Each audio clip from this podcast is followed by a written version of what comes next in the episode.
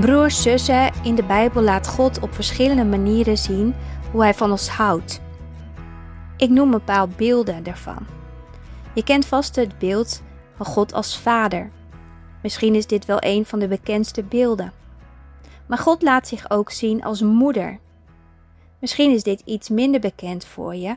Lees dan eens Psalm 133 of Jesaja 66. God laat zich in de Bijbel ook zien als echtgenoot, als minnaar.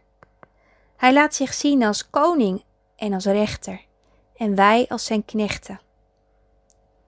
In de afgelopen twee weken mocht ik optrekken met een groep vrouwen op een vakantiepark. En op de vrouwenochtend stonden we stil bij een gedeelte uit Johannes 15, waar God ons zijn vriendschap aanbiedt. God als vriend. Er staat er is geen grotere liefde dan je leven te geven voor je vrienden. En jullie zijn mijn vrienden wanneer je doet wat ik zeg. Ik noem jullie geen slaven meer, want de slaaf weet niet wat zijn vriend doet. Maar ik noem jullie mijn vriend, omdat ik alles wat ik van de Vader heb gehoord aan jullie bekendgemaakt heb. Vriendschap. In het Oude Testament is deze benaming zeldzaam. Alleen Mozes en Abraham worden Gods vrienden genoemd. Maar in het Nieuwe Testament worden zijn discipelen en zo ook zijn volgelingen zijn vrienden genoemd. En zo mag je weten dat er dus verschillende beelden nodig zijn om onze relatie met God te omschrijven. Omdat onze verhouding met God zo uniek en groot is, is het moeilijk om één beeld te hebben. Want in alle aanduidingen klopt er iets, maar klopt er ook iets niet. Vandaar dat we verschillende beelden nodig hebben om te zien hoe onze relatie met God is en mag zijn. Wat ik fascinerend vond, is dat op de vrouwenochtenden er verschillende vrouwen waren uit reformatorische hoek, maar ook uit de evangelische hoek. Heel interessant om te merken dat iedere vrouw, maar ook iedere kerkelijke stroming vaak meer heeft met het ene beeld van God dan met het andere beeld. Hoe mooi is het dan om juist van elkaar te leren, want als God ons verschillende beelden geeft, dan staat één beeld niet boven het andere beeld. Want God wil onze Vader. Hij wil onze moeder, echtgenoot, minnaar, koning en vriend zijn. Hoe heerlijk is dat?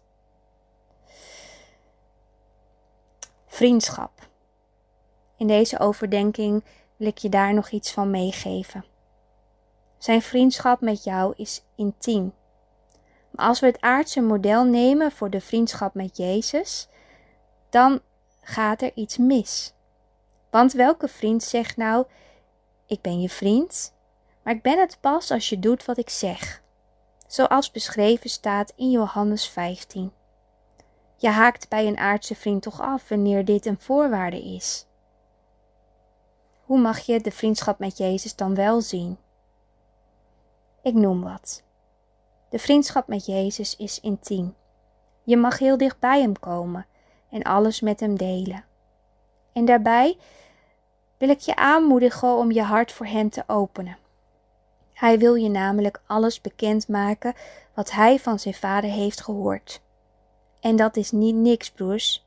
Dat is niet niks, zus. Jij mag een inkijkje krijgen in het vaderhart van God. Deze overdenking wil ik afsluiten met een preek van Johannes Chrysostomos. Hij heeft veel geschreven over vriendschap met God. Het is een kerkvader uit de vierde eeuw. Hij zegt: Vriendschap met God is een soort vreugdevolle samenwerking met God. Als een band die iedereen insluit en waarin iedereen een verantwoordelijkheid heeft. Vriendschap. Je mag vertrouwelijk omgaan met de levende God. En broers en zussen, het is de moeite waard om te zeggen tegen Hem: Ja, Vader, ik wil ook uw vriend zijn.